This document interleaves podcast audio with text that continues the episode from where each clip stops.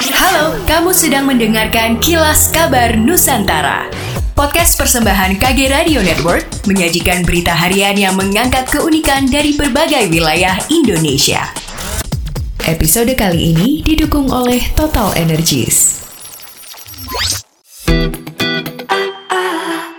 Bertepatan dengan momen Sumpah Pemuda pada 28 Oktober 2021, Radio Sonora bersama Dinas Kesehatan Kota Semarang, Tentrem Mall dan didukung oleh Total Energies Indonesia mengadakan kegiatan vaksin massal. Seperti diketahui, vaksin hadir sebagai salah satu senjata utama untuk mencapai herd immunity agar dapat menekan penyebaran virus COVID-19 di Indonesia. Program vaksin ini bertema Energy to Move Forward Together berlokasi di Tentrem Mall Semarang, Jalan Gajah Mada nomor 123.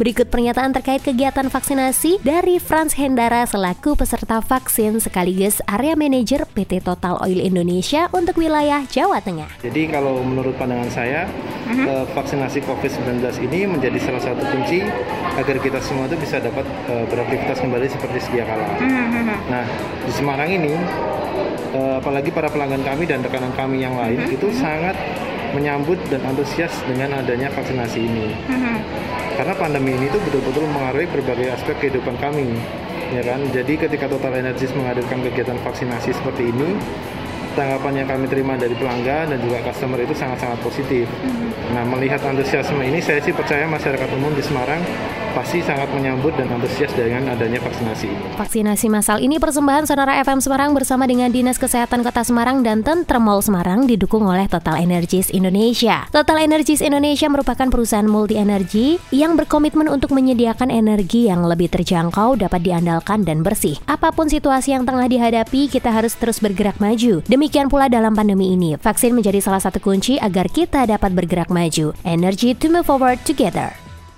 Denny Mangala, asisten bidang pemerintahan dan kestra pemerintah Provinsi Sulawesi Utara mengatakan, secara legitimasi pemerintah Provinsi Sulut memiliki hak atas lahan seluas 90 hektar untuk pengelolaan kek Likupang Minahasa Utara yang saat ini masih ditempati oleh masyarakat. Pemerintah Provinsi Sulut dikatakan oleh Mangala telah memberikan enam kali peringatan kepada masyarakat untuk dapat keluar dari lahan tersebut. Sayangnya, hingga sekarang peringatan tersebut tidak diindahkan. Mangala mengatakan pemerintah provinsi saat ini telah menjalin koordinasi dengan stakeholder terkait, termasuk TNI dan Polri, dalam upaya mengeluarkan masyarakat dari lahan tersebut. Kendati demikian, Mangala menegaskan pemerintah akan bersikap humanis dalam menjalankan upaya dimaksud. Mangala menyebut pemerintah provinsi akan berupaya agar masalah tersebut dapat diselesaikan secara humanis tanpa adanya unsur paksaan. Namun apabila upaya tersebut menemui buntuan, Bukan tidak mungkin jelas mengalah untuk adanya tindakan yang lebih keras lagi dari pemerintah.